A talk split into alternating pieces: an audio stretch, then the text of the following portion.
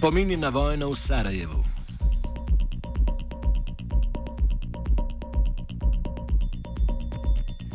Skupščina Sarajevskega javnega komunalnega podjetja Vodovod in kanalizacija, krajše VIK, je odločila, da člani nadzornega odbora tega podjetja niso več primerni za delo.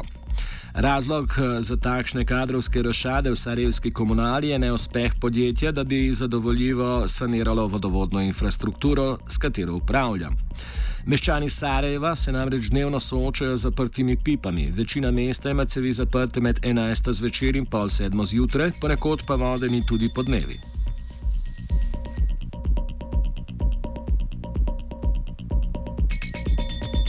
Sodeč po preiskavah iz leta 2012, naj bi se v Sarajevskem vodovodu več kot 70 odstotkov načrpane vode izgubilo, še preden ta pride do končnih uporabnikov.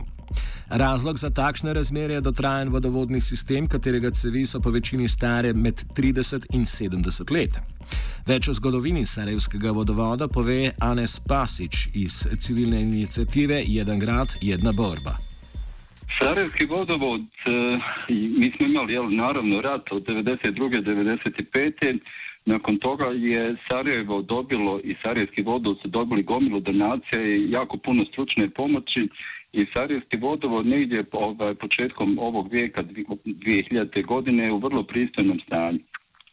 Međutim, šta se onda desilo kako su donacije, kako je bilo sve manje donacija, kako je teret održavanja trebao preći na E, na samu ovaj, znači, na kanton, znači kanton Sarajevo je institucija koja bi trebala da se brine o vodovodnoj infrastrukturi, ta su ulaganja bila sve manja i manja, tako da je sadašnje stanje e, prvenstveno posljedica neodržavanja vodovodne infrastrukture. Sarajevo je prvu temeljitu rekonstrukciju vodovoda imalo s krajem 70. godina prošlog vijeka kada je uz kredit, uz pomoć kredita Svjetske banke jako puno uloženo u, i u vodovodna postrojenja i u zamjenu, tadašnju, tadašnju zamjenu cijevi, tako da te nekakve legende kako imamo cijevi iz vremena Austrugarske, ovaj, mala je potpuno mogućnost da je to tačno. Drugi razlog za visoke izgube v sarajevskem vodovodnem sistemu pa je veliko število nezakonitih priključkov. Ti so posledica nenadzorovane gradne naselji po koncu obleganja mesta leta 1996.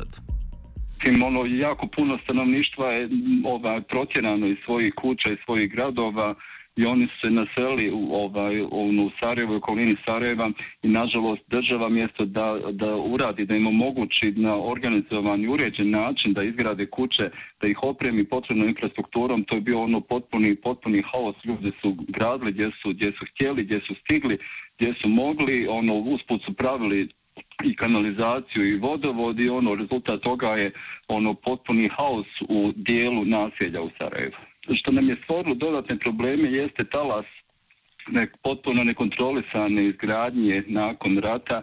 Sarajevo je dobilo preko 40.000 bespravno izgrađenih objekata, uglavnom kuća i prema izvještajima samog vodovoda nekoliko stotina kilometara vodovodnih cijevi položeno je ilegalno. Znači, mimo nekakvih standarda uz, uz ove loše projektovanje, lošu izvedbu, tako da to stvara dodatne probleme. Težave z dobavo vode v Sarajevu pa ne povzročajo zgolj dotrajane vodovodne cevi. Podjetje Vodovod in kanalizacija ima namreč dolgove, ki znašajo več kot 50 milijonov evrov, lani pa je pridelalo 7 milijonov evrov minusa. Medtem ko je zmogljivost Sarajevskega vodovoda od leta 2000 do 2010 padla iz 32 na 26 milijonov kubikov vode letno, so se stroški za plače v istem obdobju podvojili. Pa to sa dugom je, ovaj, prvo vodovod ima preko 60 milijuna nenaplaćenih potraživanja. Tu ima ovaj, dva, preko 20 milijuna se odnosi na period od neposredno iza rata kada se ono nije, nije bilo baš ni evidencije ko gdje stanuje i tako ovaj, imamo kompanije koje nisu plaćale i tako dalje. Uglavnom, znači, vodovod sam ovaj, potražuje 64 miliona duga, a ostatak duga se ovaj, prvenstveno je uzrokovan time, vodovod ima nešto više zaposleni nego što bi trebalo, to nije dramatično ovaj klupan iznosno zaposlenih definitivno ima previše. S druge strane su visoki troškovi, ovaj, Sarajevo je ovaj, teren je vrlo zahtjevan, jako puno se vode pumpa, na samo potrošnju na električnu energiju godišnje potroši se 4,5 miliona eura i to je posljedica ovoliki gubitak u mreži. Znači vi ovaj, umjesto da snabdjevate samo ovaj, 400.000 ljudi koliko je trenutno živi u Sarajevu, vi pumpate, ovaj, morate pumpati puno, puno više i to se jako puno ovaj, električne energije potroši. Ove, tako da ovaj, e, mislim vodovod bi morao biti onaj i Pa, pardon, pored toga sljedeći ovaj razlog ovolikim gubicima jeste i ovaj e, cijena vode. Znači, onako kako zakonodavstvo sada, ovaj, znači, ako preduzeće ne može imati ekonomsku cijenu vode, onda ona mora biti, razka mora biti nadoknađena iz budžeta kantona, što se redovno ne dešava. Tako da vodovod na kraju, nakon što plati sve račune i ovaj, isplati plaće, vodovod nema dovoljno novca za redovno održavanje i ovaj, na račun održavanja se ovaj, cijela stvar koluta iz godinu, godine u godinu i posljedica je ovakvo teško stanje sa krupnim dugovima i sa krupnim problemom mreži. Sarajevsko vodo koristi tudi 19 koncesionarjev, ki naj bi skupaj dogovali za skoraj 10 milijonov evrov sredstev. Vendar pa podatke o porabi vode obstaja zgolj za dve od teh podjetij. V času zaprtih pip ti dve podjetji porabita 50 litrov na sekundo, kar bi lahko zadostovalo za naselje z 20 tisoč prebivalci. Pa 19 koncesija je izdato za vodu, vrlo mali broj ugovora postoji za te koncesije. Uh, skoro nikakve koristi ovaj, budžet kantona ne ostvaruje od tih koncesija. S druge strane, kompanije kojima je dao to, to među njima čak Coca-Cola ova, ne plaćaju. Samo Coca-Cola ima preko 200.000 maraka duga, a ukupna procjena e, duga za koncesije kantonu, računajući neke druge, se kreće nekdje oko 10 miliona eura. Nevolje sa koncesijama dobro, nije problem izdati koncesije, međutim u situacijama kada se desi nešto, uh, mislim kriza koju sad imamo, koja je posljedica loše infrastrukture i nešto sušnije ljeta, e onda i te količine koje su date koncesionarima ovaj, su dragocjene i onda zaista nije jasno kako im je moglo biti ovaj, to poklonjeno na tako lagan način. Primjera radi samo dvije kompanije koje crpe vodu e, putem koncesija ovaj, e, s tom količinom vode, znači 50 litara vode u sekundi za te dvije kompanije moglo bi snabdjevati e, naselje potpuno uredno od 20.000 stanovnika. Znači to su samo dvije od 19 koncesija. Jer šta je u pitanju Sarajevo zaista još uvijek ima dobre zalihe vode i to je najtragičnije u ovoj situaciji do koje smo došli da mi ležimo na vodi, ležimo na ovaj vodi koja je još uvijek izvadenog kvaliteta, a vode nemamo. Med dožniki vodovodnega podjetja pa so tudi zasebna podjetja, katerih lastniki so povezani z aktualno politično elito. Javno komunalno podjetje VIK je bilo že večkrat obtoženo, da so v njem nameščeni ljudje blizu strank na oblasti in ne strokovnjaki za področje komunalnega urejanja. Pa, naše preduzeće koje se stara o vodovod kanalizacije, nažalost, e, ova, njihov sadašnje stanje preduzeća je rezultat dvije, više od dvije decenije stranačkog upravljanja. E, E, ono što se kod nas dešava, jeli, onaj što je intenzivnije kako vrijeme prolaze, jeste da su javna preduzeća prvenstveno plijen e, stranaka koje osvoje vlast. I onda ona ta preduzeća koriste ne da bi građanima pružila kvalitetnu uslugu, nego da bi tu zaposlili svoje kadrove koji rijetko kao da odgovaraju poslovima koje treba da rade i da bi na svaki mogući način isisavali novac iz preduzeća. Znači ono, ono što se dešava u Viku zadnjih e, ono, godinu, godinu i više dana nije nikakav izuzetak, to je znači već postalo pravilo već duže vrijeme.